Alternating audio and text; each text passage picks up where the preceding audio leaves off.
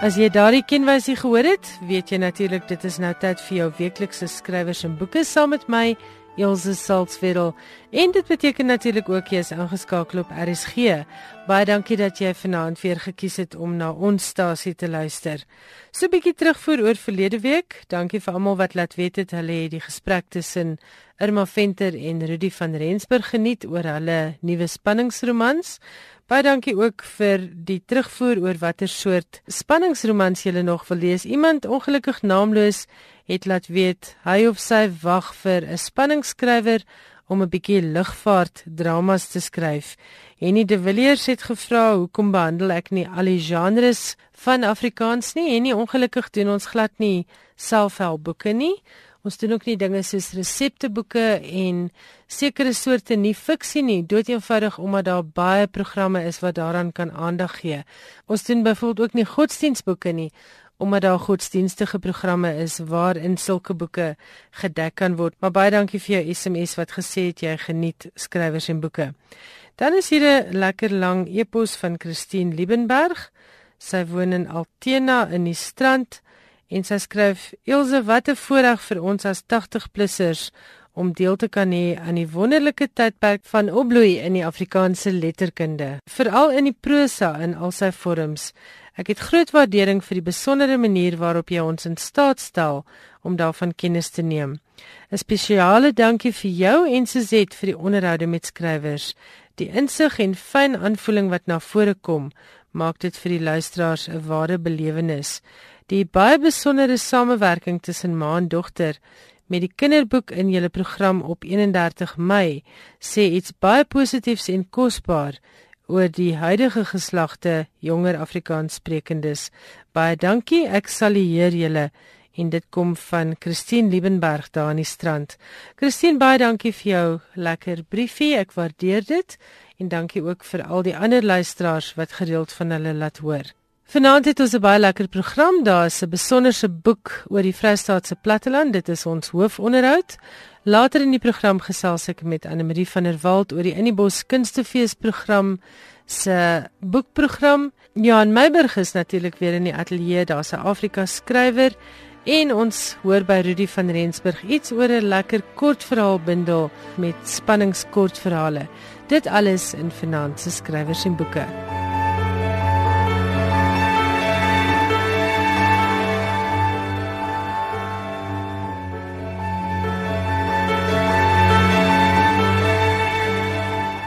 My gas vanaand in skrywers en boeke is Jennifer Friedman, alipad van Australië, en sy is hier met haar memoir Queen of the Free State.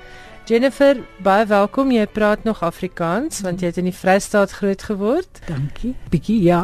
Nee, heel goed eintlik. Ek het vir haar gesê as daar iets is wat sy sukkel om te verwoord in Afrikaans, is sy baie welkom om oor te slaan na Engels want jy bly al hoe lank in Australië? 25 jaar. Ja, en en ja. Afrikaans was in elk geval nie jou moedertaal nie. Wel, jy weet, dit was nie my moedertaal nie, maar ons het elke dag Afrikaans gepraat en ons het Afrikaans in die huis gepraat. Ons het nie eens daaraan gedink nie. Maar as 'n mens nie 'n taal praat nie, dan verleer jy dit. Ek sit daar stoksiel alleen in wel in my huis en ek het niemand om mee Afrikaans te praat nie. Hoe gereeld kom jy hier? so lomp nie nie gereeld genoeg want dit is vir my so moeilik om terug te gaan Australië toe. As jy eers ja, hier was. Ja, ja, ja. Ek verlang. Terwyl ons op daardie onderwerp is, sal jy ooit terugkom en permanent weer in Suid-Afrika woon? Ek gaan nooit nooit sê nie en ek sal vir jou sê hoekom, maar my ma het altyd gesê en ek hoop jy nooit eens van was die Poggenpoel nie, want ek weet my ma het so ding gehad met die van Poggenpoel. Uh -huh. Sy het altyd gesê never say you won't marry a Poggenpoel because that will happen, né? Ja. nee, ek is gelukkig okay. nie Poggenpoel nie. So ek is baie jammer vir al die mense met die van Poggenpoel, maar dit was my ma uh, en ek sê nooit nooit nie. Mens weet maar jou lewe is nou aan die ander kant. Jy bly al oh, ja, baie jare daar en jou kinders het daar groot geword. My kinders het daar groot geword. Vir my is is die probleem eintlik my man is daar oorlede. En hy is daar begrawe. En dit was vir my regtig moeilik om te dink aan hom Jy weet, dit bind mense aan die plek. Dis omtrent die enigste ding. En ek het nou 'n Australiese partner Ja. en ek het 'n vliegtuig. Ja, ons En moet 'n bietjie praat oor jou vliegery, né? Ja, die vliegery. Goed, kom ons So. praat oor Queen of the Free State. Eerstens wil ek hê jy moet vir ons net so 'n bietjie van die titel vertel. Wel daai titel, dit was eintlik net 'n naam wat ek vir myself gegee het toe ek nog klein was. Want my ma het altyd gedink die die koningin Mm. Elizabeth, Britse wonderlik, koningin, die ja. Britse koningin. O, sy was wonderlik, jy weet, my ma het haar hare in dieselfde ja, twee kieskels in die heer. Anyway, en as hulle nou gesit en praat het of geskinder het oor ander mense en hulle sê, "Mm, wie dink sy? Sy nou die meieres." Dink sy sy's nou die queen as sy haarself nou snaaks sou. Daar's 'n vreeslike mooi begrafplaas in Filippolis. En dis waar my oupa en ouma Begrawe is. ja, wel hulle my oupa grootjie het hom daar gaan vestig. Mm. So my familie het nog lank daar gebly en my ma is daar gebore en my oupa en my oom het daar geboer. My neefies boer nog steeds daar. En toe ek nog 'n kind was, het ek baie tyd daar deurgebring in daai begrafplaas. Dit was vreeslik mooi, dit was baie stil. Ek het van die kransies gehou en ek het baie van die hoe sê mense die um Grafstene. Die grafstene. Mm. Daar's lammetjies en duifies en engeltjies. Dit was vreeslik mooi. En die gras het wild gegroei en daar was peperbome en sitrusbome. En ek was baie lief vir die plek. Ek is nog steeds. En ek het daar alleen gaan sit. Ek het met almal gesels wat in daai onder daai grafstene gelê het, want ek ek kon die name lees. So hulle het vir my nou weer geleef, jy weet. Mm. En hulle hulle was nie my vriende nie. Ek was die koningin en hulle was my onderdane so. so En te letterlik sê. onderdaane, hulle was onder jou onder, voete. Onder onderdane. Eh, ek het vir hulle rondgeorder en hulle hulle het alles gedoen wat ek wou hê. So ons het goed klaar gekom. So jy was in daardie opsig die Queen of the ek was Free die queen State. van die Friese. Ja. Ja. ja. Jy het die verbeelding van 'n skrywer, maar tog het jy nie stories geskryf nie. Jy het weggetrek jare gelede na studies in tale met gedigte en jy het nou nou vir my vertel jy was op die punt om 'n digbundel uh, wel te probeer publiseer toe jy Mm. geëmigreer het. Mm. So waar kom die liefde vir taal vandaan en hoekom het jy gekies om met digkuns weg te spring en nie met stories nie? Ek weet nie, ek het nog altyd gedigte geskryf. Ek onthou toe ek omtrent 5 of 6 was. Ek miskien was ek in se se B gewees. Ek was klein, maar ek kon skryf. En ek het 'n klein gediggie geskryf en ek het vir my ma gewys. Toe wou sy weet waar ek dit nou uh, did I copy it from somebody. Ek was so die Helen gewees. ek was kwaad. Maar ek het nog altyd geskryf en my ma was baie lief vir die taal. En vir my was Afrikaans soos dit dit was my eie taal. Al my vriende het Afrikaans gepraat. Ons het Afrikaans in die huis gepraat, maar gemengde taal, jy weet, Mhm. as jy nie- as jy nie in 'n Engelse woord kan dink nie, dan dink jy gebruik jy die Afrikaanse woord ensovoorts. Maar Afrikaans was vir my dis die taal van die Vrystaat. As ek aan die Vrystaat gedink het, toe ek gedig het, het al daai woorde vir my op daai papier kom sit en hulle kon net in Afrikaans wees want hulle was so intiem they were connected somehow Mm, die, mm. die idioom was Afrikaans en jy weet as 'n mens dink dis bitterbos en melkbos en steekgras en Mm. soetgras en klokkiesgras in Engels beteken dit niks Dis gras. ja dis niks en ja jy weet Mm. boetebos eh, jy weet regtig dis 'n dis 'n wonderlike taal en uh, vir my was dit net vreeslik mooi So dit was die ritme en die mooi skependheid van die taal wat jou dan nou na O, ja. gedigte gedwing het Mm. en wanneer besef jy toe jy wil iets meer skryf as dit en hoe het die memoir ontstaan? ek wou nooit 'n memoir geskryf het nie was ek what a bloody cheek wie dink ek is ek jy weet Ah. the queen the mayoress jy weet um, ek het nooit in Engels geskryf nie want ek het altyd gevoel ek wil nou nie sê Engels is uitgeskryf nie of so het ek gedink Ja. Jy weet almal skryf in Engels en wat wat kon ek nou sê wat nie al voorheen gesê is nie. Maar 'n paar jaar gelede, toe was die weer sleg geweest in Australië, baie gereën, ek het nie baie gevlieg nie. Toe besluit ek ek gaan skryf, ek gaan weer skryf en ek gaan probeer om in Engels te skryf. Ek het dit nog nooit gedoen nie. Ek het eers gedink okay, I'm going to write a novel Maar toe dink ek, ja, ek weet nie hoe om te begin nie. Alright. En almal sê mos hulle het hierdie kursus gevolg en daai kursus gevolg en 'n writing course on how to do this and writing course on how to do that. En ek, miskien moet ek maar online gaan en kyk. Nou moet jy net weet, ek en 'n komputer, ons sit nie langs dieselfde vuur nie, hoor. Daai goed, hulle hou nie van my nie. Skakel hulle van self af as jy ja, verbykom. Ja, nee, definitief. Toe kry ek vir um Get Smarter en dis 'n uh, so skryfkursus saam met Universiteit van Kaapstad en ek dink dit was Random House Penguin of so ja, iets van daardie ja. aard. Dit was 'n groot ding vir my gewees. Dis skryf jy in. Ja, ek het Butler Bullet, nou gaan ek dit doen. So Toe alles is aanlyn, alles Ja, alles, alles. En het dit vir jou gewerk want ek kry hmm. baie keer navrae van mense wat sê hulle wil 'n skryfskool bywoon maar hulle bly in die boondoes. Dit het fantasties gewerk. Dis onder leiding van Mike Nicol en ek sweer as dit nie vir hom was nie, was het ek nie nou hier gesit nie.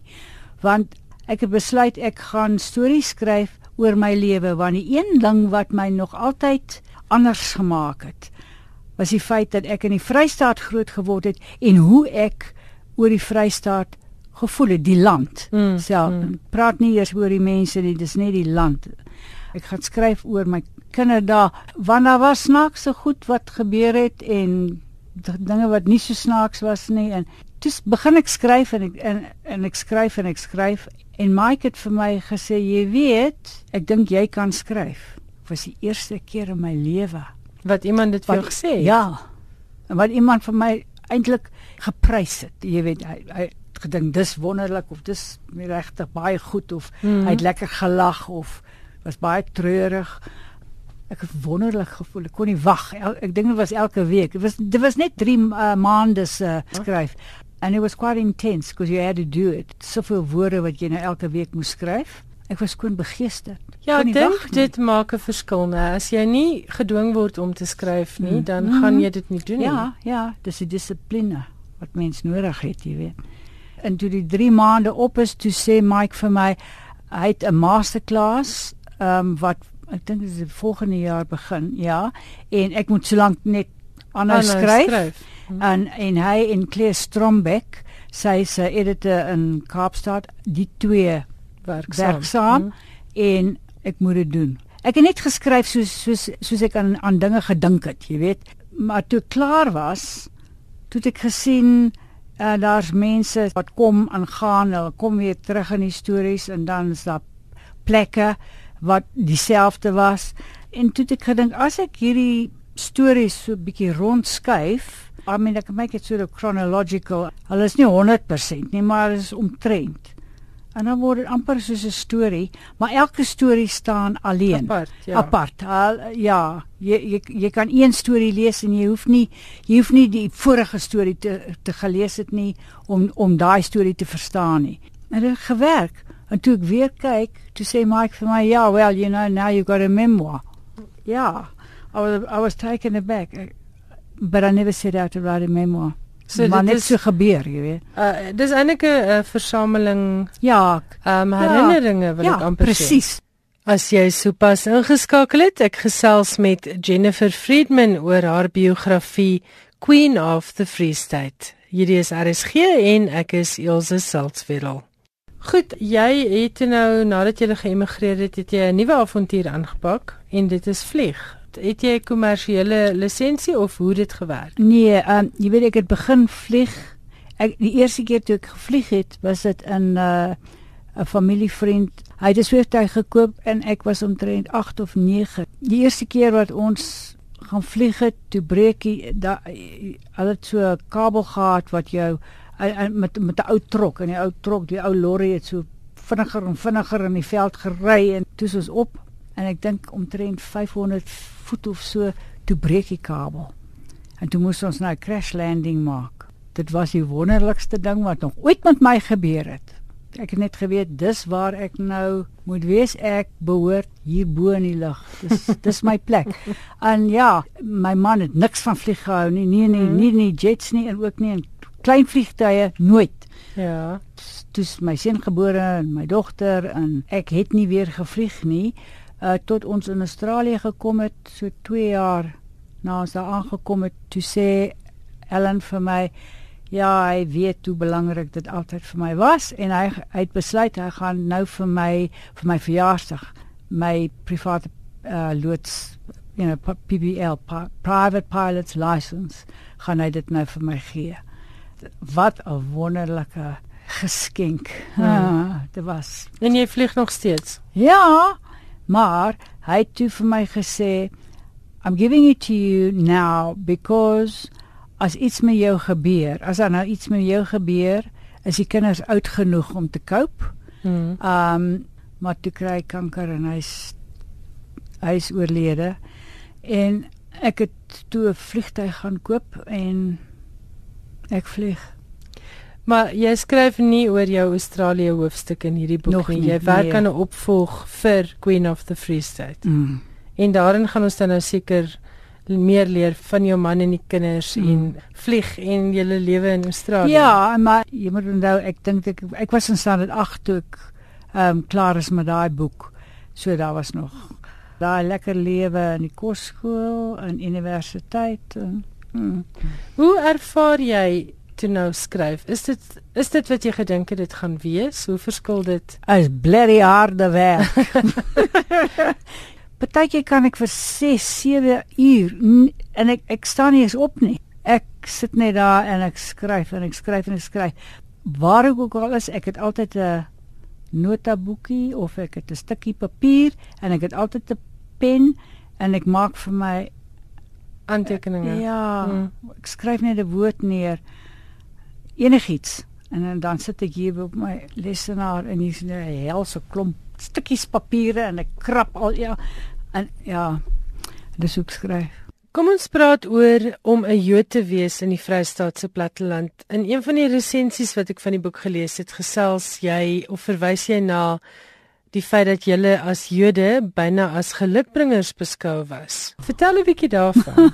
Wat was die sê ding? Die sê ding was ehm um, 'n Jood bring geluk. Dit ja, was die sê ding. Ja, dis presies. 'n Jood bring geluk. Hoe is julle aanvaar? Want ek dink altyd daar was mos altyd die ding van die Joodse winkelier. Dit het vir altyd gevoel julle is 'n welkome deel ja, van die gemeenskap. Het dit so gevoel? Ek sê vir jou sê toe my oupa grootjie na Suid-Afrika toe gekom het, ek dink hy het met twee twee van sy seuns gekom en sy vrou en en die res van die kinders, ek dink daar was 14, eh, was nog in toue en uitgesmous. Mm. En toe kom hy op Filippolis aan en hy besluit nie hy, hy hou nog af van Filippolis en toe kamp hy daar en het bevriend geraak met 'n man met die naam van Andries Lubbe.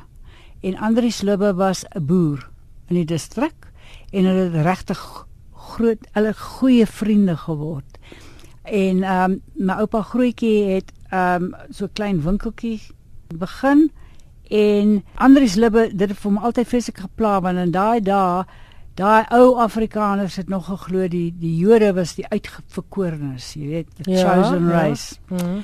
En dit het hom vreeslik gepla dat my oupa grootjie se naam was Jakob sa, dat sy familie nie saam was nie. Hulle mm -hmm. was nog ver weg. Dus Andri se pere uh, gedurende die Anglo-Boereoorlog as hulle opgekom hulle hulle hulle gekommandeer vir die oorlog vir die ja. oorlog mm -hmm. en toe betaal hulle hom kompensasie na die oorlog en eendag loop oom Andries by die by die winkeltjie in en hy sit 'n groot leersak op die toonbank neer en daar's goue ponde in die leersak en hy sê loop haal jou familie Jakob. Hier is die geld. Want hy elke dag loop hy daarin en hy sê wanneer kom jou familie? Wanneer kom jou familie? En Jakob het altyd gesê nee man ek, ek kan dit nie bekostig nie. Ek spaar elke penny wat ek nou mm, kan kry. mm. oom Andrius kon dit nie meer vat nie. Toe vat hy die, die kompensasie en hy hy leen dit toe vir hom. En hy het die hele dorpie het die familie verwelkom Dit was nou in die 18, 1902 of so. Ja, ja. 18 something sweet. Hm. Um, oom Andries het op 'n plaas Boesmansfontein geboer en toe hy oorlede is, is hy begrawe op die plaas Boesmansfontein en my oupa het toe daai plaas gekoop.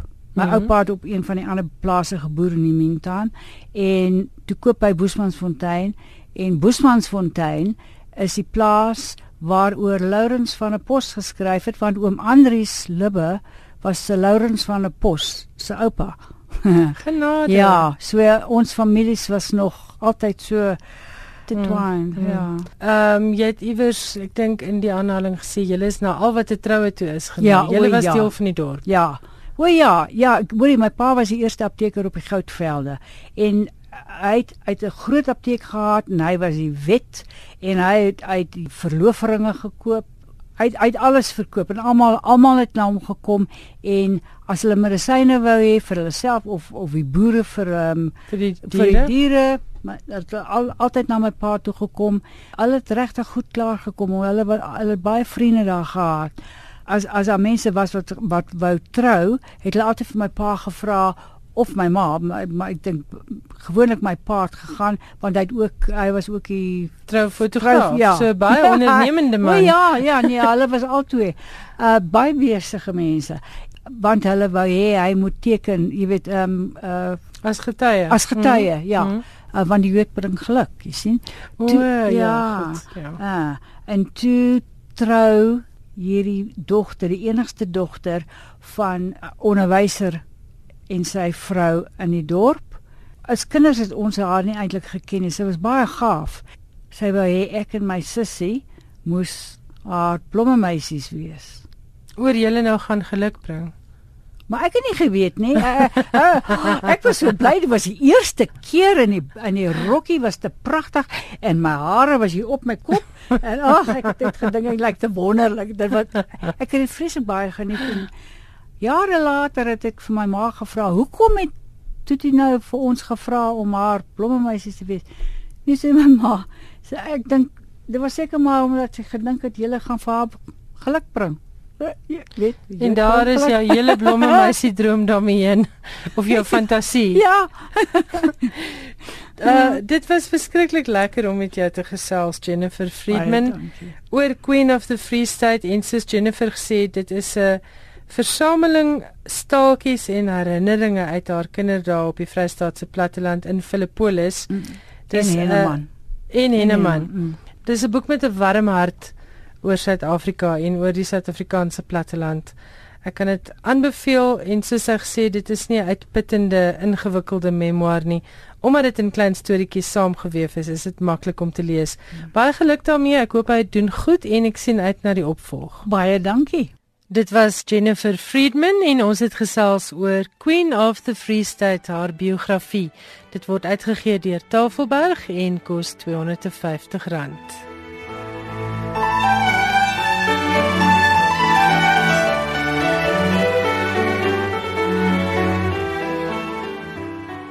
Ek gesels vanaand weer met Rudy van Rensburg. Ons het die vorige keer gesels oor Rudy se nuwe roman, uh speurroman Kamikaze, maar Rudy vanaand sit jy hier in 'n ander hoedanigheid. Jy praat as die samesteller van 'n bundel vol spanningsverhale. Baie welkom en vertel vir ons meer van die bundel. Ja, baie dankie. Bundel se naam is Op die spoor van.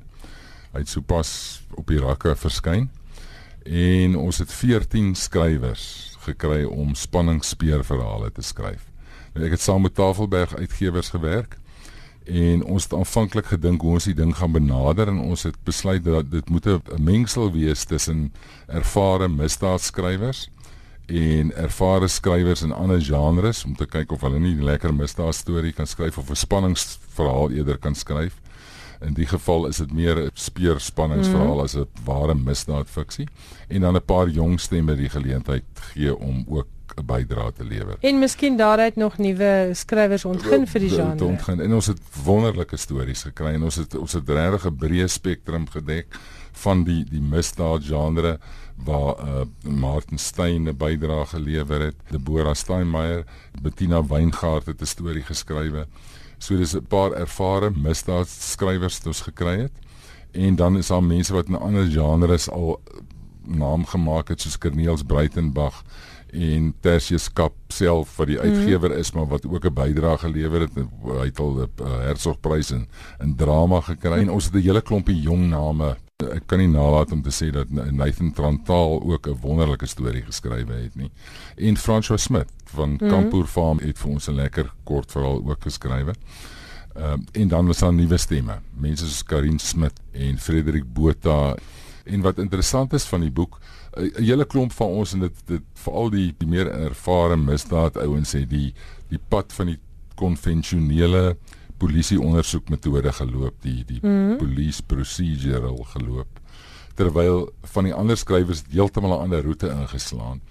Ook uh, 'n speerelement in maar heeltemal nie nie uh, in die polisie omgewing nie en dit maak dat die boek heerlike afwisseling verskaf tussen tradisionele konvensionele speurverhale en dan nou meer aweregse goed wat mm, wat wat mm. ook ingekom het en en goed wat nie konvensioneel is nie. Hoeveel skrywers, hoeveel 14, stories? 14 skrywers in totaal. En uh langerige kortverhale? Ja, dit ons het besluit 5000 woorde wat 'n redelike stewige kortverhaal is. Jy weet dis 12, 13, 14 gedrukte bladsye in 'n in 'n in 'n boek. Party het 'n bietjie langer geskryf en party bietjie korter. So dis 'n lekker stewige bundel en ja, jy kan 'n verhale aand lees. Ja. So dis heerlike winters leesstof. Dis heerlike winters leesstof. Nou maar baie geluk daarmee en en mag daar nog 'n paar sulke kortverhaalbundels verskyn want ek dink daar is 'n definitiewe plek daarvoor. En geluk ook met die inisiatief om vir ons nog spanningsverhaal skrywers te ontgin. Baie dankie.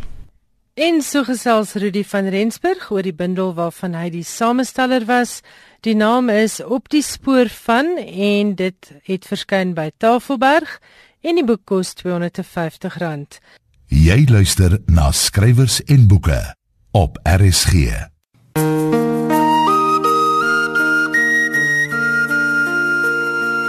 Hy's gebore in Karuso Genee Sy pa was 'n goudsmid, maar het die waarde van 'n goeie opvoeding vir sy kinders baie goed verstaan en hulle onderrig in 'n Katolieke sowel as 'n Moslem skool laat kry. Ek praat van Kamara Lai wat van 1928 tot 1980 geleef het. Hy het later na Frankryk gegaan en in die ingenieurswese gaan studeer. Lai het tot die politiek getree en het as ambassadeur in Ghana diens gedoen. Het egter dikwels standpunt teen die beleid van die regering in Genee ingeneem en moes later sy vaderland verlaat om in Senegal te gaan skuil. Hy het daar as 'n uitgewekene gesterf. Kamara Lai het 'n hele aantal bekende prosawerke gelewer, onder andere The Radiance of the King, A Dream of Africa en The Guardian of the World. Hier is die openingreels van The African Child wat Lai reeds in 1959 geskryf het. I was a little boy playing round my father's hut. How old would I have been at the time? I cannot remember exactly. I must still have been very young, five, maybe six years old. My mother was in the workshop with my father, and I could just hear their familiar voices above the noise of the anvil and the conversation of the customers. Suddenly, I stopped playing, my whole attention fixed on a snake that was creeping round the hut. He really seemed to be taking a turn round the hut. After a moment, I went over to him. I had taken in my hand a reed that was lying in the yard. There were always some lying around. They used to get broken off the fence of plated reeds that marked the boundary of our compound, and I thrust this reed into the reptile's mouth. The snake did not try to get away. He was beginning to enjoy our little game. He was slowly swallowing the reed. He was devouring it, I thought, as if it were some delicious prey, his eyes glittering with voluptuous bliss. And inch by inch his head was drawing nearer to my hand. Dit was dan ons reeks uit die argiewe. Terrens April is die samesteller van skrywers van Afrika. Vanaand het hy gesels oor Kamara Laye en een wessels het die voorleeswerk gedoen. Hierdie is skrywers en boeke en ek is Elsje Salzwetel. Ek gesels vanaand met Anne Marie van der Walt. Nou die boekmense sal weet Anne Marie is 'n absolute boekliefhebber. Sy is ook 'n baie goeie rubriekskrywer en sy is die projekbestuurder van die boekeprogram by die In die Bos Kunstefees van 5 tot 8 Julie. Anne Marie, goeienaand en wat is op julle boekekalender by die In die Bos fees? Goeienaand Ilse, dis heerlik om weer met julle te gesels. En soos altyd is ons lekker opgewonde oor ons boekeprogram. Dis vir ons baie baie bevoordeel dat ons die eerste plek is waar Etienne van Heerden sy nuutste boek Die wêreld van Charlie Oeng gaan bekendstel. Ons doen dit op 'n spesiale funksie die Vrydag die 7de Julie. Ons noem dit woorde in die tuin en daar gaan Etienne baie lekker gesels oor sy splinternuwe boek. Lorinda Hofmeyer en Skalk Huber en Kevin Gibson gaan die musiek verskaf En ons gaan ook daardie geleentheid gebruik om vir Dolf van Niekerk wat vanjaar 88 jaar oud is en ook pas 'n nuwe boek die lig laat sien het en in die bos vereer hom vir sy lewenslange bydrae tot Afrikaans. So ek sou sê dit is ons vlaggenskap produksie. Ons smeek al baie jare dat Etienne hier 'n draai moet maak. So ons voel nou besonder bevoordeel dat ons uiteindelik aan die beurt kom. Wat is die funksie se naam net weer? Dit is die woorde in die tuin. Clemengold is natuurlik ons borg Clemengold woorde in die tuin.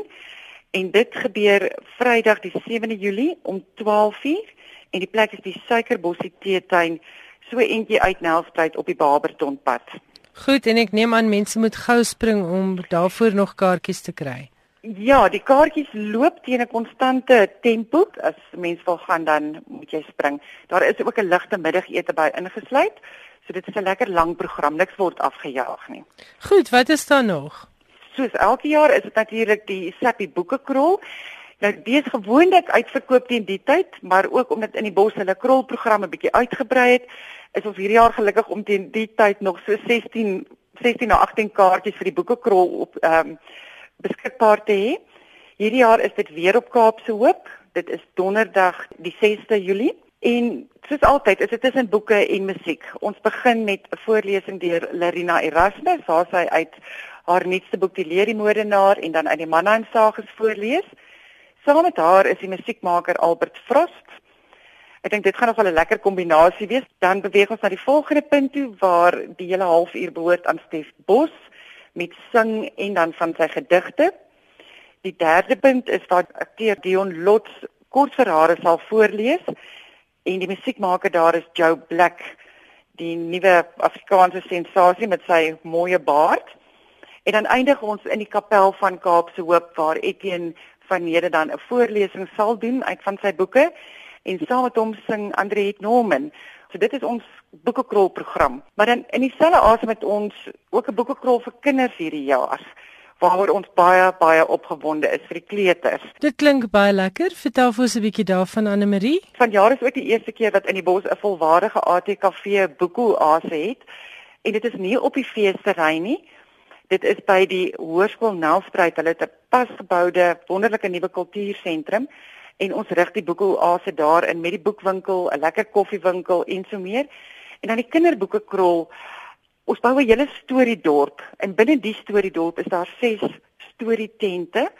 En elkeen van hierdie storietente is die verantwoordelikheid van 'n kleuterskool, 'n plaaslike kleuterskool in Nelspruit om dit dan op te maak in hierdie boekwêreld wat dan die spesifieke boek wat voorgeles gaan word dit is 'n klomp kreatiewe vrouens. So ek dink die storie dorp gaan baie baie oulik lyk en dan gaan Babelela gaan die groepies kinders van die een storie tent na die volgende beweeg. So dis 'n uur se storie vertel van storie tentjie na storie tent. Dit is by die ATKV Boekoase en daar is Woensdag, Donderdag en Vrydag elke dag twee kinderboeke krols om 9uur en om 12uur. Dis so min of meer van boek op die 2 tot 8 jariges. Mamas en papas kan kan 'n bietjie koffie drink daai tyd. En wiese boeke gaan hulle behandel of weet jy dit nog nie? Weet jy, ek het al die lys gesien. Dit is meestal op Lapa se fantastiese kinderboeke. Ek weet Haasmoles is een daarvan. Ons bons op die bed. Daar's 'n beer in my boek en ek dink daar's ook 'n seerower storie. So dis regtig so iets van alles vir die klein goed. Dit klink baie lekker. Wat is daar nog op die program waarna lesers kan uitsien? Ja, by die genoemde ATKV boekoase het ons dan ons gebruikelike boekgesprekke. Uh ons skop nogal met 'n besige Woensdag af. Ons begin met 'n lekker geskiedenis gesprek. Friedel Hansen, baie radioluisteraars sal hom onthou as 'n omroeper en hy gee 'n fotoboek uit oor die Anglo-Boereoorlog. Maar baie oor die menslike aspek. Wat het die gewone mense, hoe het hulle wêreld gelyk in die Anglo-Boereoorlog? baie daarvan is foto's wat hy uit familie albums gekry het wat mense vir hom aangedra het. So hy gesels met Zelda Rowan wat die skrywer is van 'n biografie oor Nonnie Dallery, 'n generaal Koos Dallery se vrou en 'n nabelewennisse tydens die Anglo-Boereoorlog. So 'n bietjie geskiedenis met regtig die fokus op die mense in die oorlog. Dit is om 10:00 Woensdagoggend om 12:00 kom Bibi Slippers aan die beurt. Nou Ilse, ek weet nie of jy al haar nuwe bundel fotostaatmasjien gelees het nie. Ek het en ek is mal oor Bibi. Sy is 'n bondel energie en regtig nogal baie snaaks, baie kreatief. Baie skerp en ek geniet hierdie bundel ongelooflik. Ek vind dit reg verfrissend. Ek werk om nou stadig deur met die oog op die onderhoud met haar. Ek dink dit gaan 'n heerlike manier wees om bietjie 'n jong digter aan ons lesers hier bekend te stel. Ek sien baie uit na die gesprek om 12:00 op daai Woensdag met Bibi Slippers. Dan 2:00 die middag het ons ons aktuele gesprek. Dit is wanneer Theo Venter in gesprek sal wees met Frans Cronje oor Frans se boek 'n tuisreisigersgids in Suid-Afrika na 2030. En Frans is natuurlik die hoof van die Suid-Afrikaanse Instituut vir Rasseverhoudinge. Dit is reg. En ek dink almal van ons sit maar op die punte van ons stoele om te weet waarheen gaan hierdie land wat wag vir ons so om 'n bietjie van 'n blik op die toekoms te kry kan ons almal dalk net 'n bietjie gerus stel. Of donderdag is daar dan nou nie boekgesprekke nie omdat ons die boeke krol het op Kaapse Hoop maar by die ATKV Oase kan die ouens daarom so 'n bietjie van Clement Gold se gin gaan proe. En hulle kan gaan boeke koop? Hulle kan heeltyd gaan boeke koop. Daar die boekwinkel gaan daar wees koffiewinkel dit gaan 'n baie lekker rustige plek wees waar mense bietjie kan gaan asem skep. Goed en Vrydag Vrydag se boekgesprek is dan met Dol van Niekerk oor sy nuutste boek Kroniek van Turf. Ek het die boek gelees. Dit is 'n baie kompakte novelle, tipies van Dol se styl, gestroop, kort sinne. Ek was baie geroer en geraak deur die boek. En dit is vir ons 'n besondere voorreg. Dolf is 'n baie sterk en gesellige 88-jarige. Ek het net die grootste respek vir hom, so ek sien vreeslik uit daarna. En dan die laaste boek gesprek is Saterdag 10:00 die oggend met Ernst Groening oor sy boek Elders wat natuurlik gaan oor sy staptog al langs die Camino in Spanje. Ons het regtig probeer om voorsiening te maak vir elke genre. So 'n bietjie van 'n reisverhaal, 'n roman, 'n aktuele gesprek, digkuns en dan is 'n bietjie geskiedenis vir die belangstellendes daarin. Dit klink nou baie lekker program en natuurlik saai ons ons skrywers en boeke daarvan af uit op die 5de Julie waarna ek baie uitsien. Kan nie wag om met 'n slag van in die bos af te doen nie. Dit is 'n groot groot bederf vir ons uh, met dit dat ons na die ATKV boeke oas het. Jy gaan jou skrywers en boeke van daar af uitsaai, Kristal Webberg van RSG Kuns doen en dan in die oggende in die middag gedeeltes van Spectrum. Ehm um, die nuusspan kom ook van daar af uitsaai en dan Saterdag se naweekjoernaal program. So die ATKV Boekoase is dan ook RSG se tuiste by die fees. En dit is nou die eerste keer in 'n lang tyd wat uh, RSG weer by die in die bosse is. Dis lekker. Ek moet vir jou sê almal van ons sien baie uit, nie net na die lekker warmer weer nie, maar omdat in die bos een van die lekkerder feeste is met 'n heerlike fokus op gesinne, is dit regtig my gunsteling fees. Waar kan mense bespreek vir al julle produksies?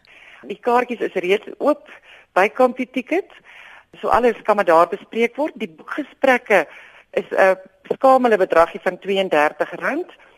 Die klinkgold woorde in die tuin is 'n bietjie duurder omdat daar ete ingesluit is vir 157 en dan die wat nog gelukkig gaan wees om kaartjies te kry vir die boekekrol, dis R302, maar dit sluit ook natuurlik eetgoed in en dit is 'n 2 na 2 en 'n half uur lange program.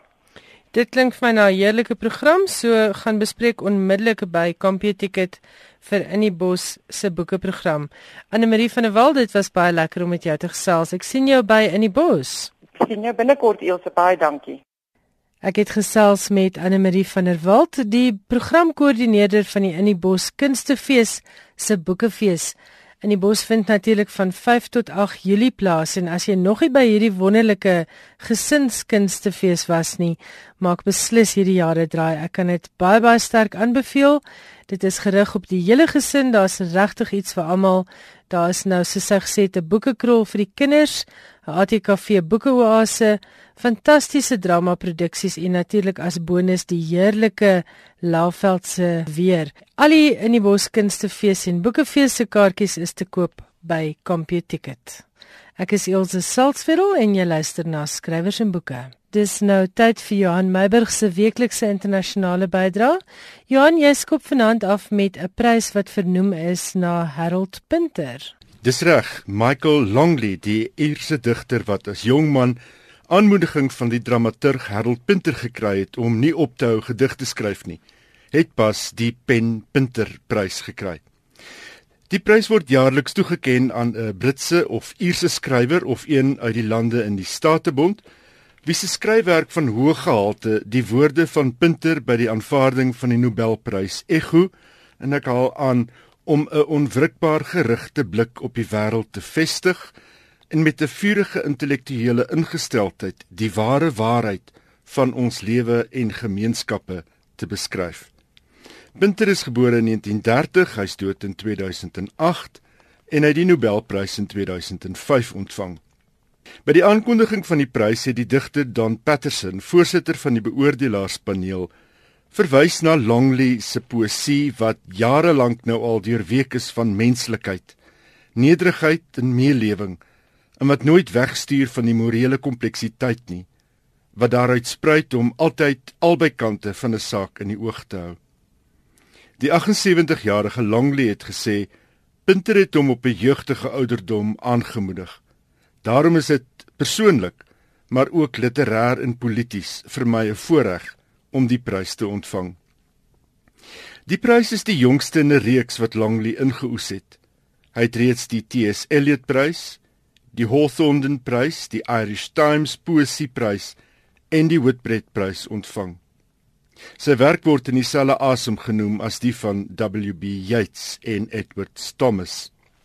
In 2006 het die bloemlesing Collected Poems verskyn en daarna het gevolg in 2011 A Hundred Doors, in 2014 The Stairwell, in 2015 Sea Asters en verlede jaar The Dippers Range.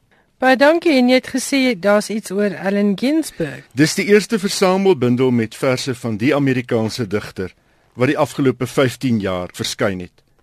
Die bundel Wait Till I'm Dead is saamgestel deur die bekende Allen Ginsberg kenner Bill Morgan. Die een ding wat Ginsberg gedoen het was om ononderbroke te bly skryf vir 50 jaar sedert die 1940s tot en met sy dood in 1997. Hy het dikwels gedigte in opdrag geskryf, hoewel hy nie van die druk waaronder dit hom geplaas het gehou het nie. Dikwels het hy die enigste kopie van 'n betrokke gedig in die pos gegooi sonder om 'n rekord daarvan te hou. By geleentheid het hy 'n brief geskryf: "Want more poems? Wait till I'm dead." Die opmerking waaraan die titel van die nuwe bloemlesing ontleen is. Hoewel Ginsberg rekord gehou het van sy essays, onderhoude en toesprake en dit in groot kabinette in sy kantoor geberg het, is daar letterlik honderde gedigte verteenwoordigend van sy hele loopbaan wat nooit gebundel is nie. Ginsberg het in 1956 gedebuteer met Howl and Other Poems en was een van die bekendste digters van die sogenaamde Beat Generation. Ek gou daarvan want more poems wait till I'm dead. en dan gaan dit begin uitkom. Klink vir my nou baie lekker titel. En dan het jy iets oor Pen International oor 'n saak wat ek weet my en jou baie na in die hart lê.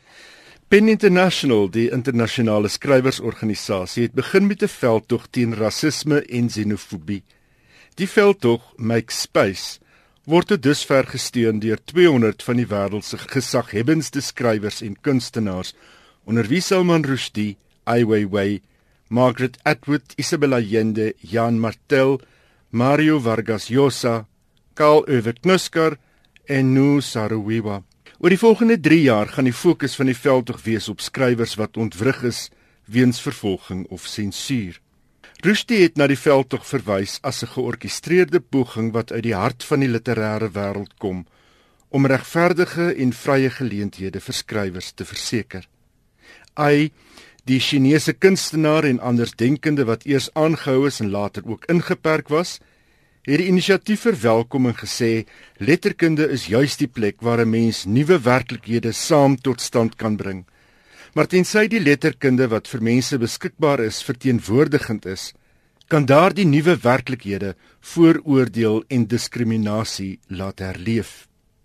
Isabella Allende Die Chileense skrywer wat 40 jaar gelede in ballingskap moes gaan na die omverwerping van haar oom Salvador Allende se regering in Chili, het gesê letterkunde het 'n onvervangbare rol te speel in mense se persepsies.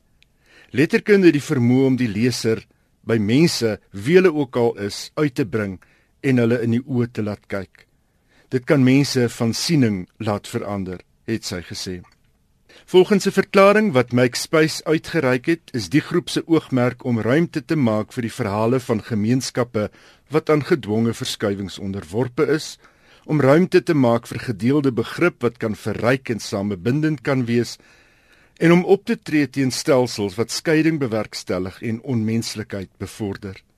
Dis tyd om hieraan iets te doen, lui die verklaring, en saam iets hieraan te doen. Turkye het byvoorbeeld verlede jaar 81 joernaliste in die tronk gegooi, meer as enige ander land. Egipte staan tweede in die ry met 25 joernaliste agter tralies. Volgens die komitee wat hom daarvoor beywer om joernaliste te beskerm, is Mexiko die gevaarlikste plek vir 'n skrywer of joernalis. In Maart vanjaar is 4 joernaliste vermoor en 13 word vermis.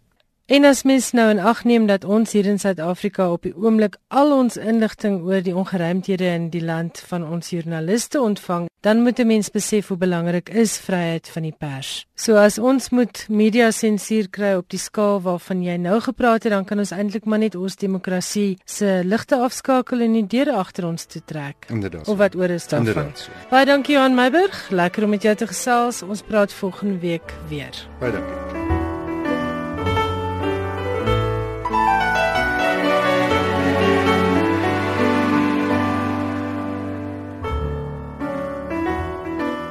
Dit is dan die einde van vanaand se skrywers en boeke. As jy vir my e-pos wil stuur, my adres is skrywersenboeke@rsg.co.za en die SMS-lyn se nommer is natuurlik 45770. Onthou elke SMS kos R1. Volgende Woensdag aand is ek terug en dan moet die jonger luisteraars inskakel want dan gesels ek met Marion Erskine oor sy pragtige jeugboek Vlerke vir almal. Dit gaan onder meer oor kuberbullies en ek wil ouers vra om hulle kinders aan te moedig om na hierdie gesprek te luister. Ons gaan 'n bietjie praktiese raad gee oor kuberbullies en oor groepsdruk en Marion verstaan regtig die hart van 'n kind. Dit is volgende week se skrywers en boeke mag geniet die res van jou aand.